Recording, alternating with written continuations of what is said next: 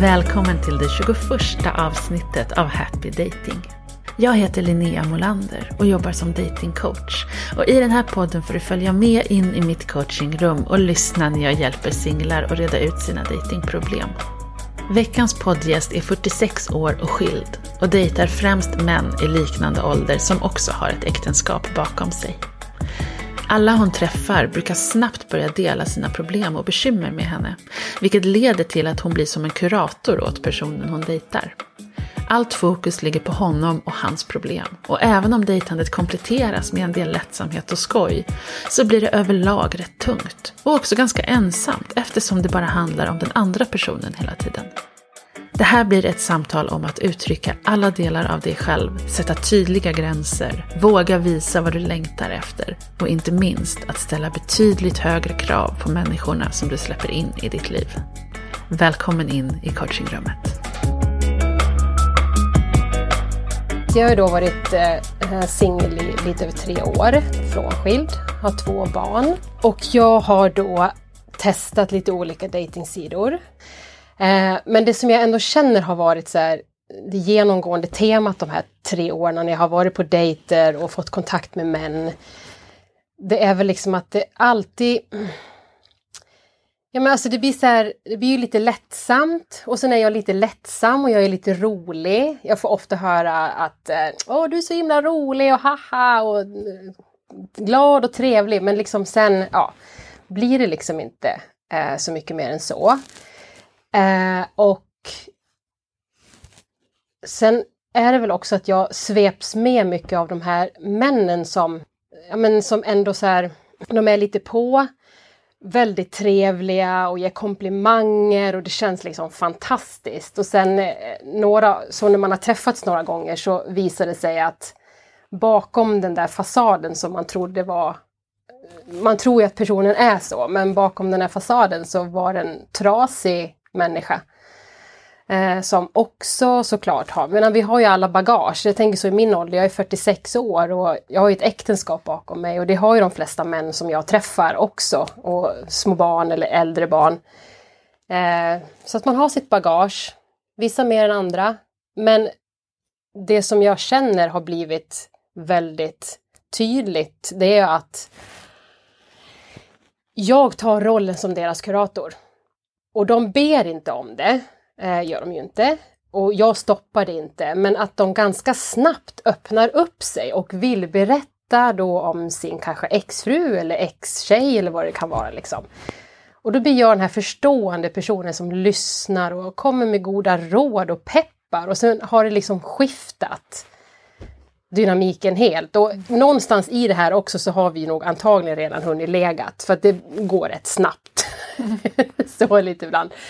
Men just det där att eh, de känner att de kan lägga sin historia i mitt knä och jag sitter där och tar emot den och omfamnar den på något sätt. Och sen, ja, lite det mönstret känner jag Mm. att jag hamnat i liksom. Och att jag tar den rollen så snabbt och att jag är så bekväm i den, det, det gör mig frustrerad på mig själv också. Mm. Eh, för jag vill komma ur det liksom att att det är ju inte okej att vara den personen som Nej. de liksom. Och sen kan det ju vara också att jag då ett tag peppar och stöttar och håller på liksom. Och sen försvinner ju de och så kanske de tycker att de mår lite bättre. De fick ligga och de fick lite terapi. Ja, precis. De. De fick ligga och terapi och sen någon som tog hand om och liksom så. Jag lägger mycket tid och energi på det. Jag är ju helt dränerad när det är över. Ja, Liksom. det förstår jag. Så där ska man ju ta betalt för. Ja, Det är ett jobb, ett yrke. Ja. Ja. ja, exakt. Jag Ja. kan nästan öppna ett behandlingshem har jag tänkt ibland. Så att det blir ju liksom, och sen tänker jag så här, jag är, så blir jag liksom väldigt snäll, jag kan bli väldigt, och då går jag in i någon sån här, för att skydda mig själv lite så kanske jag också blir Nej men att jag blir liksom väldigt lättsam fast jag egentligen inte vill det för det är jag som blir sårad kvar. Mm. Eh, Medan de flyger iväg någon annanstans. Mm. Eh, Så- fast men- det säger jag ju aldrig. Okej. Jag uttrycker ju aldrig mina liksom. Nej, det låter som att lättsamheten är delad i början. Sen blir de väldigt djupa, personliga och privata. Mm. Och istället för att joina det, att du också berättar om dig själv, så går du in i kuratorrollen. Ja, Ah, och sen studsar du upp på ytlig igen och börjar om. ja, Ah. precis. Är den här kuratorrollen någonting du känner igen från andra relationer med vänner eller så? Ja, Det finns fler du tar hand om i livet? ja, Mm. ja. Jag tror nog att det är lite så. Mm. Jag vill ju, eller jag, det kommer så lätt för mig att ta hand om andra och se till att andra har det bra och Mm. allt så. Och sen om jag ska liksom titta liksom in i mig själv så har ju jag en önskan om att någon ska ta hand om mig. Mm. Så. Mm. Mm. Händer det någonsin? Och vad, hur mm, reagerar du på att ta emot hjälp och stöd från andra? Eh, jo, men jag, jag tänker så här, om man... Eh, just när det gäller min liksom relationen till mina vänner så har jag ju eh, vänner som jag verkligen kan liksom öppna mig för och de öppnar sig för mig och vill liksom stötta varandra. Och det, det, är liksom, det är jag ju jättebekväm i, känner jag så. Jag är väldigt bekväm med att kunna liksom prata om saker och ting sådär. Men jag är nog inte lika öppen när det gäller relationen till en man. Nej. Där jag ställer liksom, jag ställer nog inga krav. Jag är nog inte så tydlig med vad jag vill. Jag vet inte ens liksom vad jag utstrålar. Mm, Hur, hur de upplever mig. För att jag är ju såhär bara okej med allting liksom. Fast jag är ju inte det. Nej. Och sen blir jag nervös om jag ska säga att nu blev jag besviken på dig. Ja. jag, jag, jag blir jättenervös om jag ska säga det. Mm. Och det tror jag också att jag har kanske med ja, men när det gäller vänner och så. Det är svårt att liksom säga att men gud när du sa sådär till mig då blev jag lite sårad. Mm. Jag har kanske svårt generellt för det. Mm. Då, då tar jag det Just det. och sen bearbetar jag det själv. Så du bearbetar alla andras problem och du bearbetar alla dina egna problem? Ja, Ja. Det är ju lite obalanserat. ja det, det tar mycket energi. Jag förstår det. Gör det. Och rent generellt så blir det ju skeva relationer. Men det är också väldigt osexigt att vara Mm. omhändertagande på det sättet. Mm. Att bära någon annans emotionella bagage. Du blir mer så här mamma, projektledare, sostant, kurator liksom. Ja. Och den dynamiken är inte så het. Nej, Nej, Det kanske har den märkt det. Du, du går inte riktigt igång på det här. nej, Nej. nej. Och det vet jag inte om de heller gör. Eller jag, ja, ja, spelar ingen roll. Nej. Mm. Och en viktig del som, går, som uteblir i den här dynamiken är ju att ingen får lära känna dig på djupet. Nej. Det är en ganska viktig pusselbit. Mm. Ja, så är det nog. Ja. Absolut. Så vad tror du skulle hända om, om han börjar öppna sig och du ser det som en invit att börja öppna dig? Att du börjar prata om dina grejer istället för att gömma dig själv och prata om hans grejer. Mm. Ja, det där var ju lite spännande. Jag har nog aldrig riktigt sett det så. Jag, jag tänker mer att... Eh, men gud, varför ska man så snabbt prata om sitt förhållande som man precis har? Eller varför ska man liksom ens prata... Eller ja, det Mm. kanske man ska. Alltså, relevant reflektion. För då kan Mm. det vara så att de faktiskt delar olämpliga, irrelevanta saker som du inte vill prata om. Mm. Och då, är inte, då ska inte du joina det. Nej. Utan då får du byta samtalsämne och säga det låter jobbigt och så börja prata om någonting annat. Ja. Men det du gör när du går in i kuratorrollen är att du gräver djupare i det du inte vill prata om. Ja. Även om han säger att jag har haft det jobbigt med min exfru. Jaha, Mm. Det låter jobbigt. Det, det är en så här klockren replik. Jaha, Mm. det låter jobbigt. Tyst, punkt. Ja. End of story. Inga följdfrågor, inga fördjupande, utan bara empati. Det låter jobbigt. Och sen börja prata om någonting annat. Ja. Ja. Jag istället fortsätter ju liksom och ställer frågor om det här och liksom, men Ja. tänk så här istället och du kanske ska tänka så. Varför gör... Alltså, Ah, nej, Ja. nej, nej, nej. ja. Och sen, och sen har vi liksom, och då har vi, ja precis, då har vi ändrat dynamiken helt och sen har det blivit något helt annat eh, och sen blir jag liksom deras, eh, deras vän. Och så tar jag de, den rollen också fast jag tänker så här, men gud jag, jag var ju intresserad av dig från början men nu är jag din vän och något annat. Och sen kan ju de berätta öppet om vad som helst liksom. Och sen försvinner de. Men sen nu har jag också en tendens till att vissa av dem kommer ju tillbaks för då tyckte de väl att, ja men Behövde några sessioner till. ja, exakt. Nu har det hänt lite mer saker så nu vill vi Just prata det. lite till. Ja, ja. Mm. och du behöver stänga den dörren. Mm. Ja. Ja. Och det låter som att steg ett är bara sluta ställa följdfrågor om saker du inte vill prata om. Ja. Mm. ja. Ja, exakt.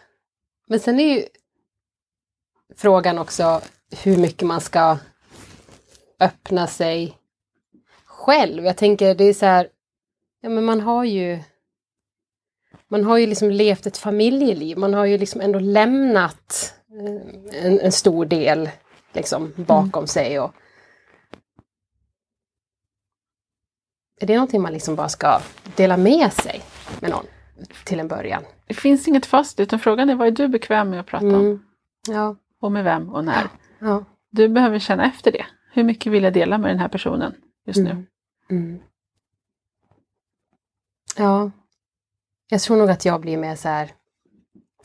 Allt är så bra. Mm. Nej men gud, ja, det, det, det. Ja, ja, och det är ju en del av dig. ja.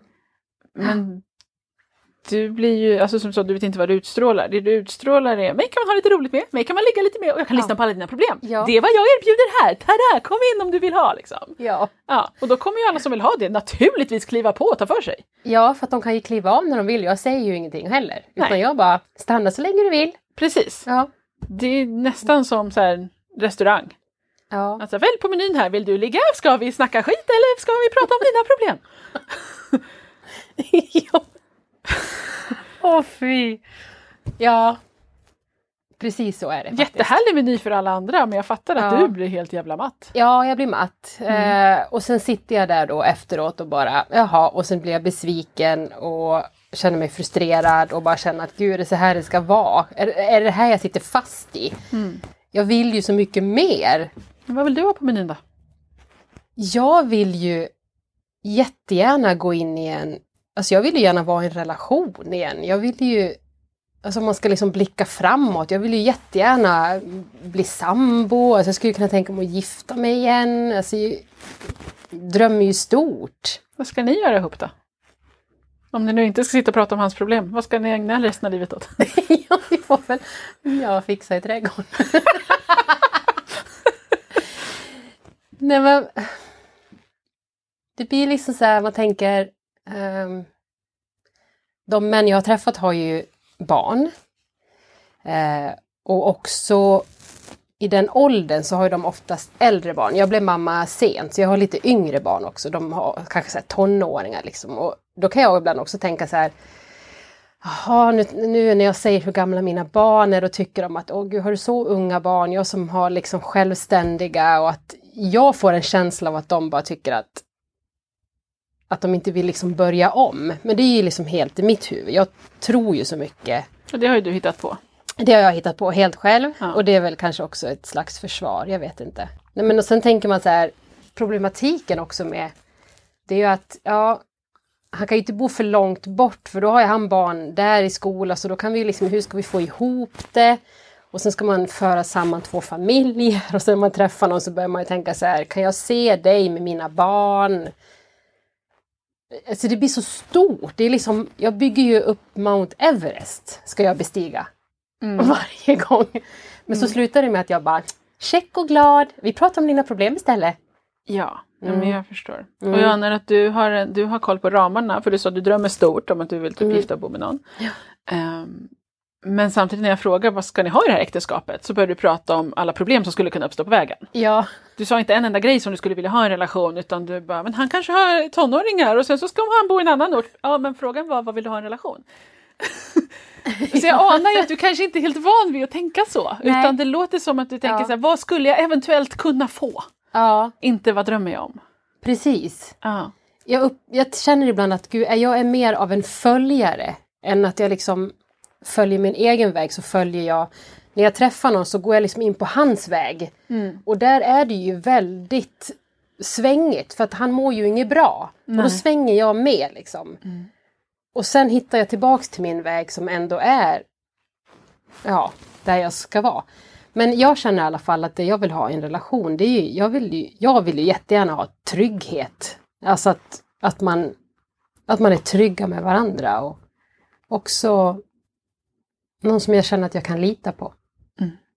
Vad får att Och framförallt någon som vill ha mig för den jag är. Ja, Och inte den här äh, tjoho! nej, för nu Ja. ju, får ju ingen lära känna dig. Nej. Det är Nej. ju, jag sitter ju och coachar hela dagarna och det ger en känsla av kontakt men det är ju ingen som lär känna mig. Nej. Den här konversationen handlar ju om dig. Ja. Ja. ja. Och vi kan fortfarande känna oss nära och vi har ett djupt Mm. samtal Mm. men det är ju inte balanserat. Och det är lite så du dejtar låter det som. Ja. Man får djup kontakt genom att prata om problem men du är ju helt anonym. Ja, jag tar din roll. Ja, Och sen tycker de att gud, du kommer med så kloka råd. Bara, det gör du. Mm. Men det är ingen som vet vem du är. Nej, Nej. nej, så är det. Ja. Och det är ju lite sorgligt. Ja, det är jättesynd för du verkar ganska awesome. Det är synd om ingen får se det. Ja. Ja. Så vad får dig att känna dig sådär trygg? Och tillitsfull? Vad skapar den känslan i dig? Mm. Jag vet faktiskt inte, tror jag. Nej. Finns det något du kan tänka dig, något som du längtar efter eller drömmer om? När känner du dig sådär, att här, här vill jag vara, med dig är jag trygg? Vad skulle någon behöva göra för att du ska känna så? Alltså jag tänker så här rent, om jag liksom nu blickar tillbaks då på de här tre åren som singel och de jag har liksom träffat så har jag ju känt att jag har haft ett väldigt stort bekräftelsebehov av alltså deras ord, vad de säger och skriver. Men sen nu känner jag nästan att man kan egentligen skriva och säga vad som helst. Det är ju, man vill ju liksom ha, jag, jag behöver nog känna liksom den här genuina handlingskraften på något sätt. Jag har liksom lyssnat på så många ord och Åh gud, du är så här och wow, wow, liksom. Men, men ändå så tar de ju inte... De stannar ju inte kvar. De är ju inte, de är inte rädda om att, åh gud, den här, den här tjejen är ju fantastisk. Henne får ju inte jag släppa för då kommer det någon annan och tar henne. Utan de är ju liksom så här flyktiga och sen Mm. försvinner de ju ändå liksom. Och då vet att du går ju ingenstans.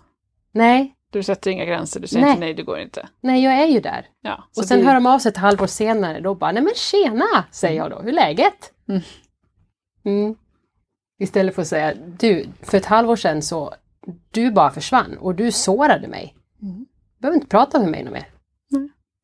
Du behöver inte svara när folk hör av sig.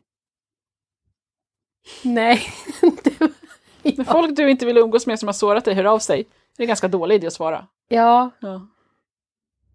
Ja, jag vet, jag förstår också det. Ändå så blir jag så här, det är så ohövligt att inte svara, tänker jag. Så skriver jag någonting och sen kommer jag in i den här loopen igen och sen går det runt, runt. Så nej, jag måste kanske sluta svara. ja, Mm, det behövs lite mer fokus på vad du vill och behöver Mm. och mår bra av. mm, För det är inte ohövligt att ignorera någon som har sårat en och Nej. lämnat en. Nej. Det är ohövligt att såra och lämna. mm. Det är inte din uppgift att ta hand om alla andra människors problem och se till att alla är glada. Däremot är det din uppgift att se till att du har det bra. Mm. Det försvinner liksom när man bär världen på sina axlar. Så försvinner det någonstans. Vi får ställa ner världen. Ja, För att det, du är inte queen of the world, det är ingen som har gett dig det jobbet. Du har inte rätten att lägga dig i människors liv på det här sättet. nej. Nej. Det är ganska arrogant. Mm. Och bara, jag vet bättre än du hur du ska leva ditt liv. Här får du lite tips som du inte har bett om. Ja, Mm. ja fy. Mm. Jag förstår. Mm. Mm. Jag tror att, nu relaterar jag till mig själv här, men det som får mig att känna mig trygg är när jag kan visa vem jag är och en annan person ser och uppskattar det utan att döma. Då känner jag mig trygg. Mm. Vilket gör att jag kan inte känna mig trygg om jag inte har visat vem jag är. Och du visar inte vem du är. Och världen blir ganska ensam om ingen ser den. Mm. Och när man känner sig ensam och osedd så känner man sig ganska otrygg. Ja, så är det. Personerna du dejtar känner sig förmodligen jättetrygga. Ja, det tror jag. För du får se dem rakt in i själen. Helt icke-dömande och bara boosta dem med kärlek och empati. Mm. Men du får inget av det tillbaka. Nej, Nej. det får jag inte. Nej. Så de behöver få ta eget vuxet ansvar för sina liv. Det är okej att människor har problem. Du bär inte ansvar för att lösa deras problem. Nej.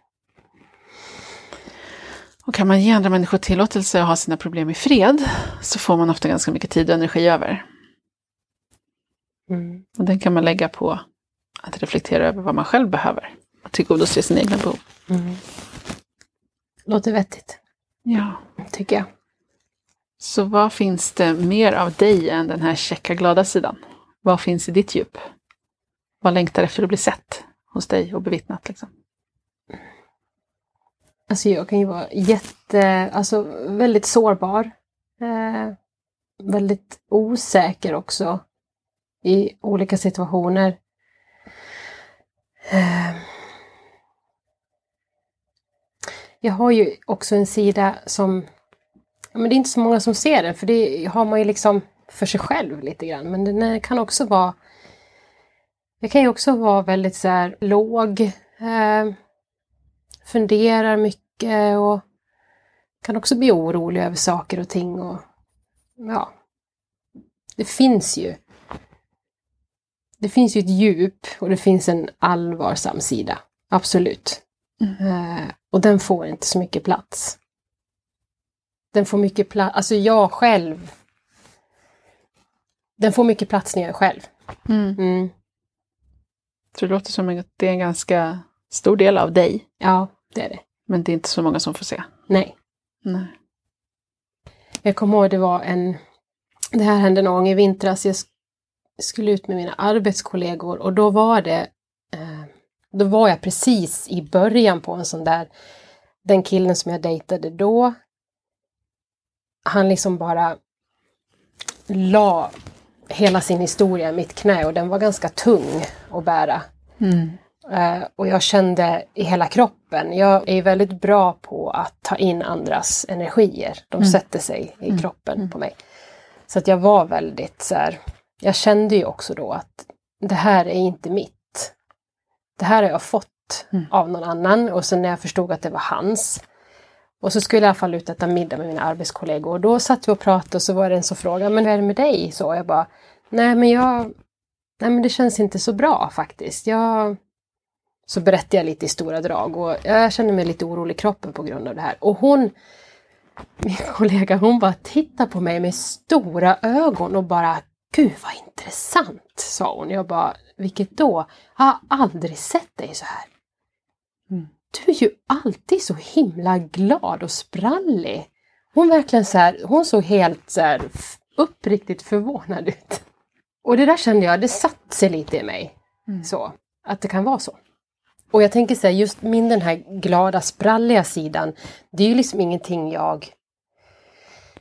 Det är ju ingenting jag fejkar, utan den finns verkligen där så. Och, det är väl, det, och det är den som får den här platsen liksom. Och sen Ja. ibland så, när jag inte kan stå emot, så blottas det här andra lite grann. Ja. Fast jag tror ändå att jag är väldigt noga med vem jag blottar det för kanske. Lite så. Mm. Och då känns det ju såklart eh, tryggt då kanske att göra det med, med arbetskollegor som jag ändå liksom har stort förtroende för. Jag skulle ju aldrig göra det mot en man. Tror jag inte. Mm. Det skulle nog ta emot lite mer liksom att... Så. Ja. Mm. Jag förstår det, särskilt med de erfarenheter du har. Eh, För att du har ju varit med personer som delar alldeles för mycket, alldeles för snabbt. Mm. De beter sig ju inte rimligt utifrån vad du beskriver. Nej. Och, och det är lite som att så här, ni ska fika och så ska ni dela på en kaka. Så ni delar den på mitten, men så ser han att, "Ah, ska inte du ha din halva? Men då tar jag den också. Mm. Så att du umgås med män som tar hela den emotionella kakan. Och de kan bara dejta kvinnor som inte tar sin halva. Mm. Eller personer som inte gör det. Ja. Du, du funkar, om, så länge du inte tar ditt utrymme så kommer du attrahera personer som tar allt utrymme. Mm. Och så blir det jätteobalanserat. Ja. Så du behöver visa att här, här, den här halvan är min. Här pratar vi om mina grejer. Mm. Jag har också känslor och behov och ett djup. Och när du gör det kommer de här kakknyckarna inte vilja dejta dig längre. Mm. Och mer rimliga balanserade personer kommer dyka upp. Mm. Men just nu finns det ett vakuum på din sida.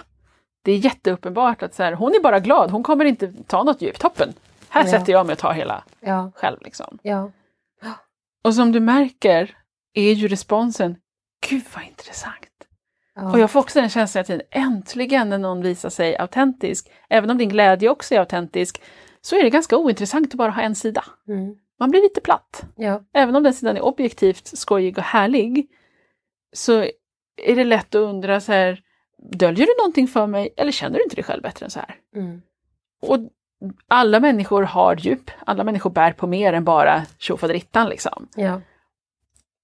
Och får man inte se det blir det ganska ointressant, då kommer det bli lite ligga och inte så mycket mer. Mm. Det går inte att bli kär i någon som bara visar en sida av sig själv.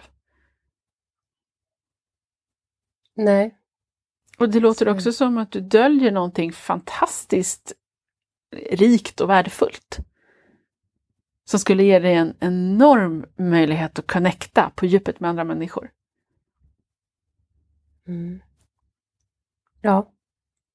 Det är dags att börja dela de där djupa funderingarna, även med män. För att se vem som kan möta dig i det.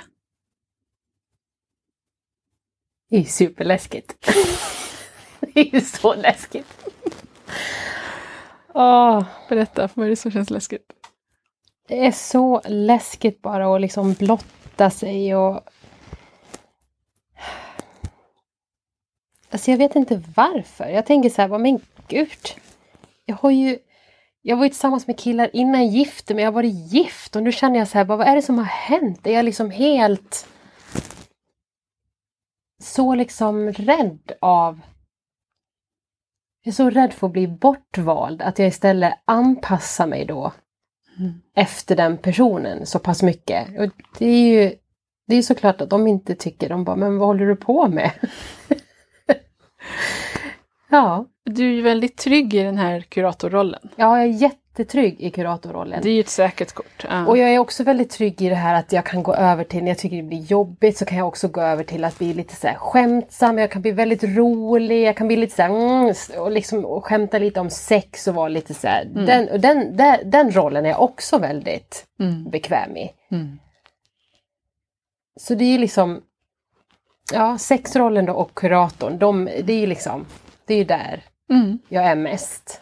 Och det tar så mycket av min energi och jag bara känner så här, åh gud, jag vill inte ha, jag vill inte.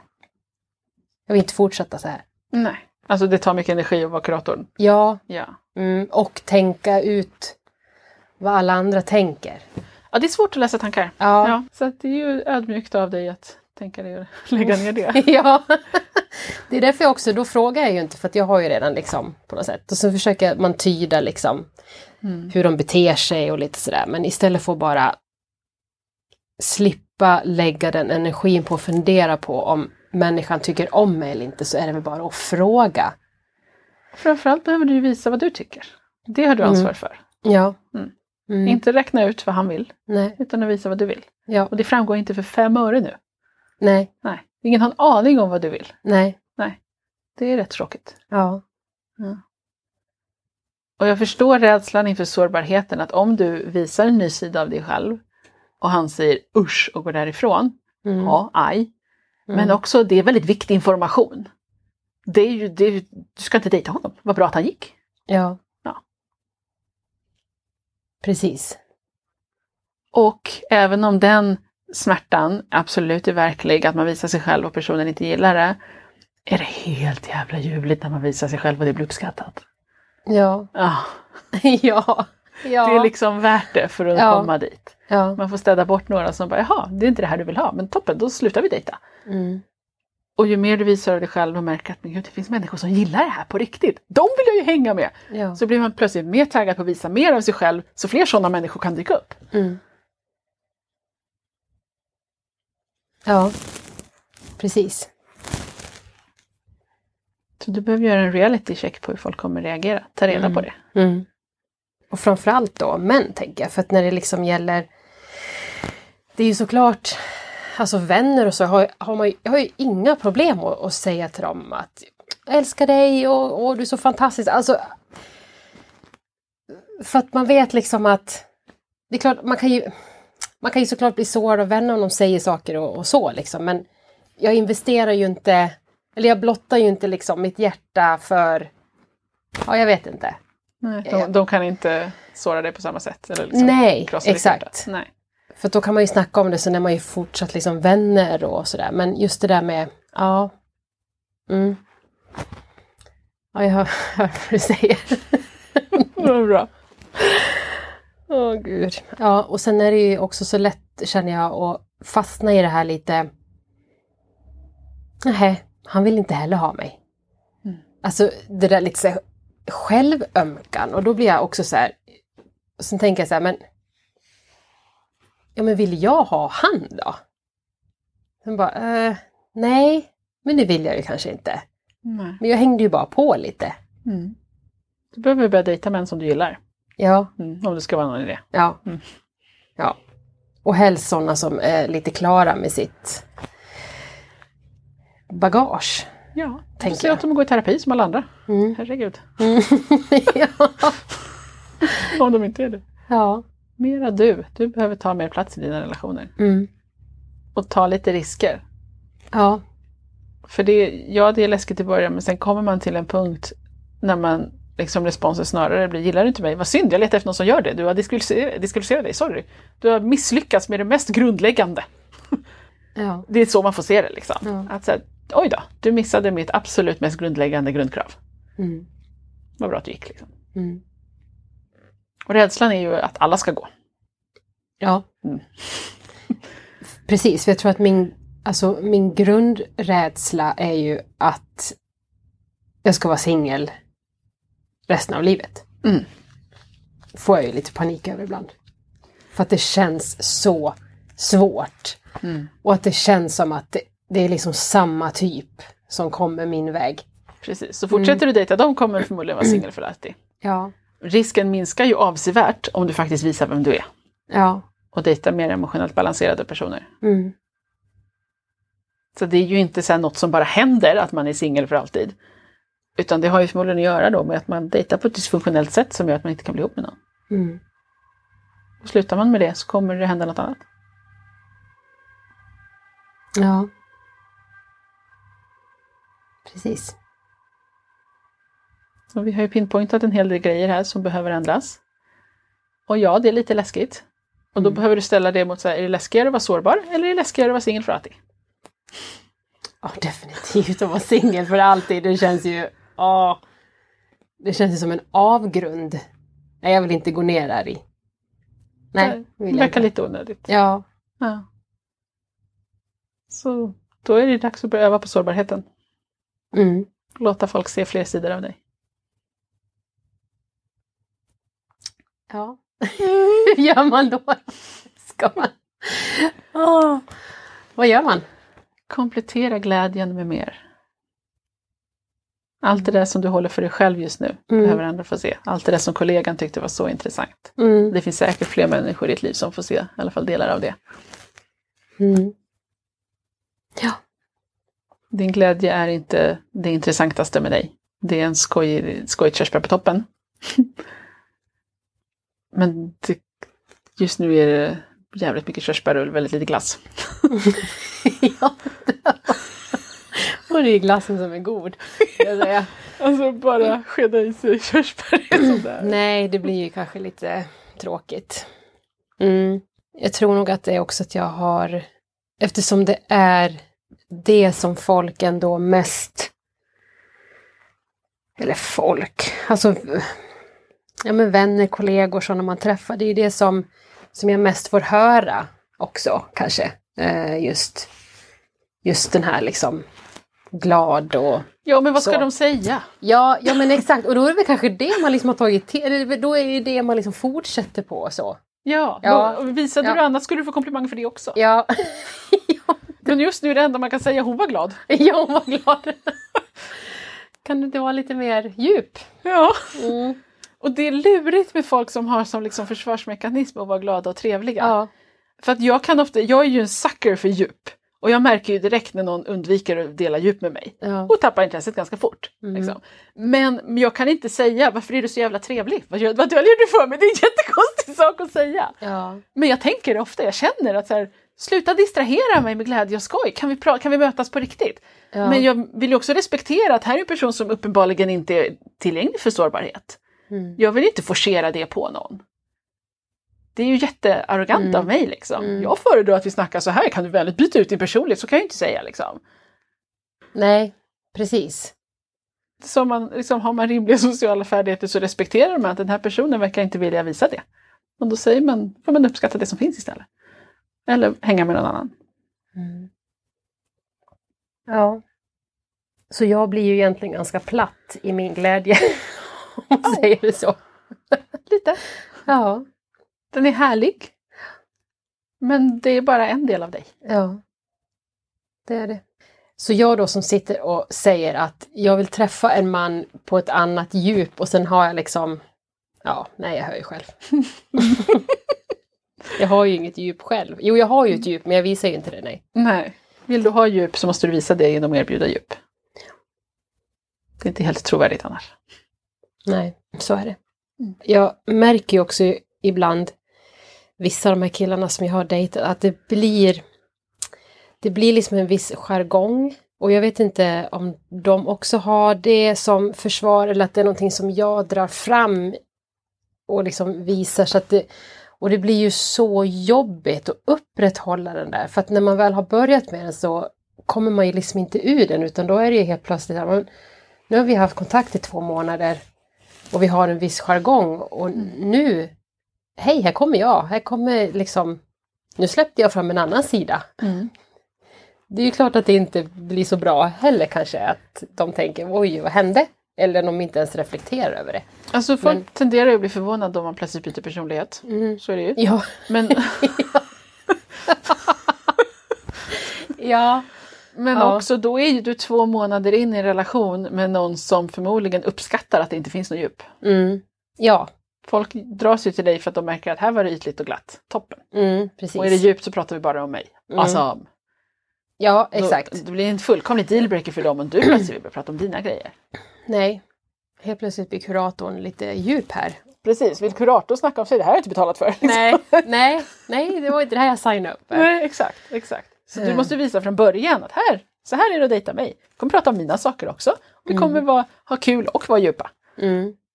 För de som vill ha det kommer ju undvika dig. De som vill dejta på djupet kommer Ja. ju inte tänka, ah, hon, she's Ja.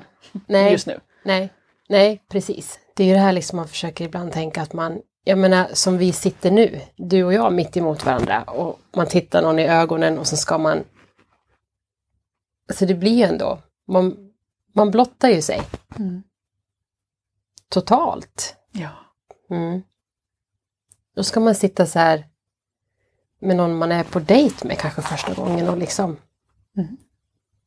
titta in i ögonen och, och kunna säga att jag är väldigt eh, sårbar där inne. Ja. Och lite rädd och, och lite ja, vad det nu kan vara. Mm. Mm. Det känns nu när du och jag sitter i djup kontakt så känns det som att det här är någonting som du verkligen längtar efter. Mm. Det gör jag. Ja. Och det är ingen som kan gissa det Nej. förrän du visar det. Mm. Jag känner det jättetydligt, att här vill du vara. Mm. Det vill jag. Ja. Och det vill massor av andra människor också. Och då behöver du visa, det här måste du glimta till, att jag erbjuder det här också. Glädjen distraherar jättemycket från det här. Mm. Och du behöver inte berätta alla dina hemligheter. Eller outa saker om dig själv. Vi behöver knappt prata. Den här kontakten handlar inte så mycket just nu i den här stunden om orden vi säger. Utan vi är bara helt närvarande med varandra. Mm. Och det räcker. Man behöver inte så mycket ord. Nej, Nej. precis. Det gäller att hitta ett lugn i det, tänker jag.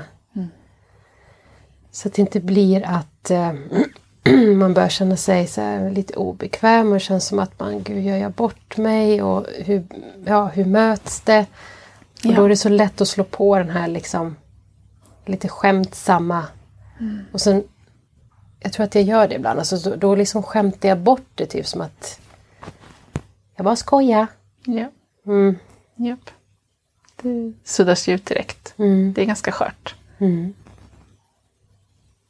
Det är det. Men när det är två personer som vill vara här så kan man komma väldigt djupt och känna en väldigt stark kontakt med väldig enkelhet. Mm. För nyckeln ligger ju att inte göra så mycket. Ja, jag måste nog eh, avskeda kuratorn, tror jag. Få skriva ett uppsägningsbrev. Hon kan få ta hand om dina barn, Ja. tycker jag. ja. Där är Ja. hon lämplig. Ja. Om du har någon vän som kan ge samma sak tillbaka Mm. är det också lämpligt. ja. Jo, men det har jag ju. Absolut. Där får jag ju ett helt annat liksom, utbyte. Men Men du kan inte vara kurator åt män du inte vill dejta. nej. Nej. Speciellt inte eftersom de kommer tillbaks efter mer. Nej. Men det är klart de gör det. För att det finns mer. Mm. Du kan ju stänga butiken när du vill och så kommer de sluta knacka på. Mm.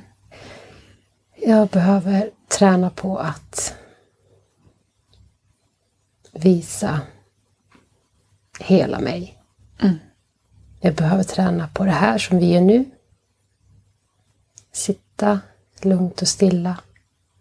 Jag behöver inte vara sådär glad och sprallig hela tiden. Nej. Det känns som att det fanns ju rätt nära om du bara fick tillåtelse. Mm. Och utrymme. Jag tänker det blir liksom när man när man då får liksom kontakt med någon så får man ju eh, det börjar ju liksom alltid med, om man inte säger någon dejtingsida så börjar man ju liksom, det börjar ju redan i chatten liksom. Jag känner ju att jag måste ju liksom redan där på något sätt Ja. också. För att annars blir det ju svårt när man har haft den liksom jargongen i chatten och sen när man ses så bara blir jag igen då en helt annan, här sitter en helt annan person nu och är Ja. så. Hela du hela vägen. Ja, Ja, för att om du bara är check och kurator i chatten så är det vad folk kommer förvänta sig på dejten. ja. Men om du är djup i chatten så är det vad folk kommer förvänta sig på dejten. Mm. Mm.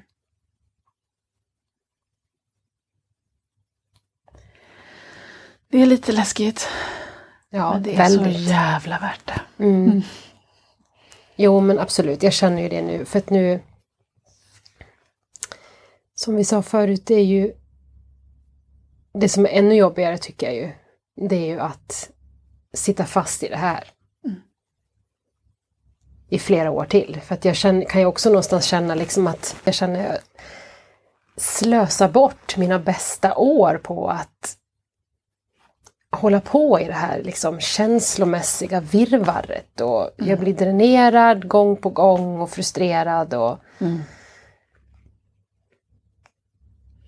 Mm. Det är ju så det är. det är. Mm. Man gör bara det där läskiga som man behöver göra när man har fått fucking nog av Ja. det strul man höll på med innan. ja, Och det låter som att du börjar få nog. ja, jag börjar få nog. Mm.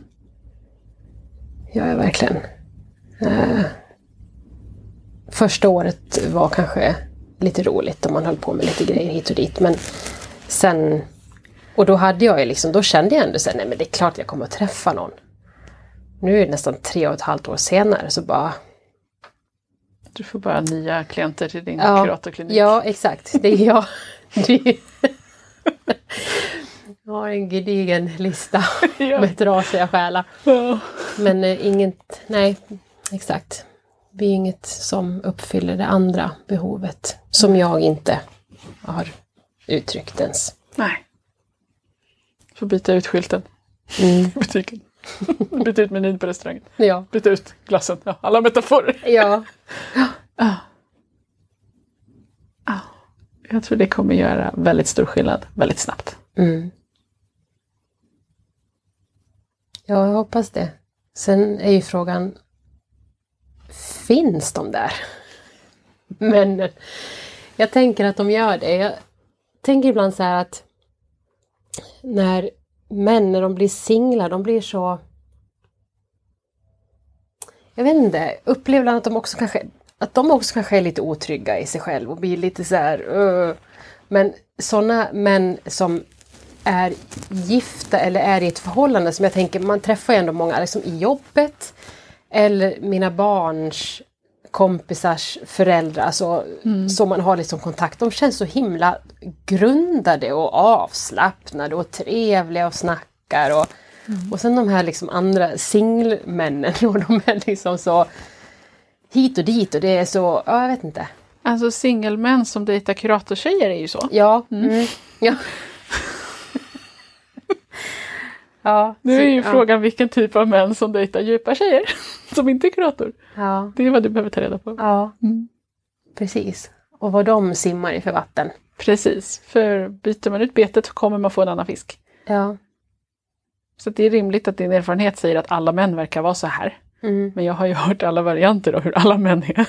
Ja. Och det har väldigt lite med männen att göra, väldigt mycket med personen som sa det och den, de mönstren att göra. Mm. Alltså det känns lite spännande tycker jag. Eh, just nu känner jag att jag blir lite så här. Jag blir lite taggad, jag blir lite pepp att testa. Fast jag vet också att det kommer att kräva mycket av mig. Eh, och att jag måste, jag måste, jag, måste hitta det där modet någonstans. Och våga. Ja. Och å andra sidan så ditt nuvarande dejtande kräver också väldigt mycket av dig. Ja. Så slutar du med det får du ganska mycket energi över. Mm, Och lägga på bättre grejer. mm, Till exempel att vara modig och gå efter det du faktiskt vill ha. ja. Precis. Så båda alternativen kommer vara krävande, men bara ett av dem leder till att det på sikt blir bra. Mm. Mm. Ja, sluta vara så anpassningsbar. Ja, visa vem du är bara. Mm. Så ser vi vem som dras till det. Japp, Japp, klart! klart, vi kör på det. ja. ja. Ja, jag fick massor att tänka på, eh, känner jag. Och eh, ingenting känns konstigt. Det känns helt naturligt. Det känns kanske också som att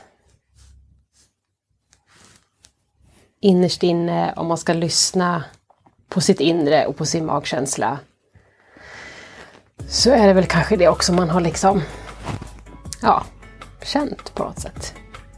Att man har, eller att man, jag har tryckt bort en sida och tagit fram den där lätta. Ja, nu räcker det med det. Ja, Ja, det gör det. mm. vad härligt. Mer du till världen. ja, hoppas att någon står där och tar emot. Jag tror det kommer bli populärt. Ja, Ja. spännande.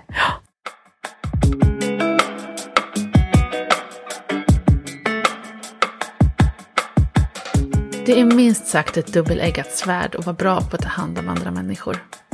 I grund och botten är det förstås en fantastisk egenskap.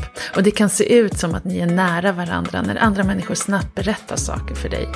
Men om det inte också finns utrymme för att prata om dig, ja då är det inte en balanserad relation. Då har du blivit gratis psykolog. Att ta hand om alla andra är också ett effektivt sätt för att slippa visa vem du är och därmed eliminera den risk som sårbarhet innebär. Om du bara finns till för andra, men ingen får se vem du är, då kommer du säkert känna dig generös och behövd, men också väldigt ensam. För det är inte emotionell kontakt när det bara är den ena personen som öppnar sig. Det blir väldigt obalanserat. Om du kände igen dig i det vi pratade om i det här avsnittet, då är det dags för dig att börja ta mer plats i dina relationer. För det är helt omöjligt att lära känna dig och bli kär i dig om ingen får se vem du faktiskt är på riktigt. Du är huvudpersonen i ditt liv och du måste få uttrycka vem du är och bli sedd och speglad och älskad för det. Och allt det här börjar med att du själv blir nyfiken på alla sidor av dig och tar dem på allvar. Vill du lära känna dig själv bättre så rekommenderar jag varmt att du läser min bok Dating börjar med dig och går Happy Datings e-kurs om emotionell kontakt. Kursen går i praktiska steg igenom hur du först skapar emotionell kontakt med dig själv och därefter bygger upp en emotionell öppenhet även med andra. Du hittar länkar till boken och kursen i avsnittsbeskrivningen och kan läsa mer på happydating.se. Nästa vecka får du lyssna på en ny coachingsession med en ny singel med nya datingproblem. Och tills dess, kom ihåg att prenumerera på podden och följ happydating.se på Instagram för ännu mer datinginspiration.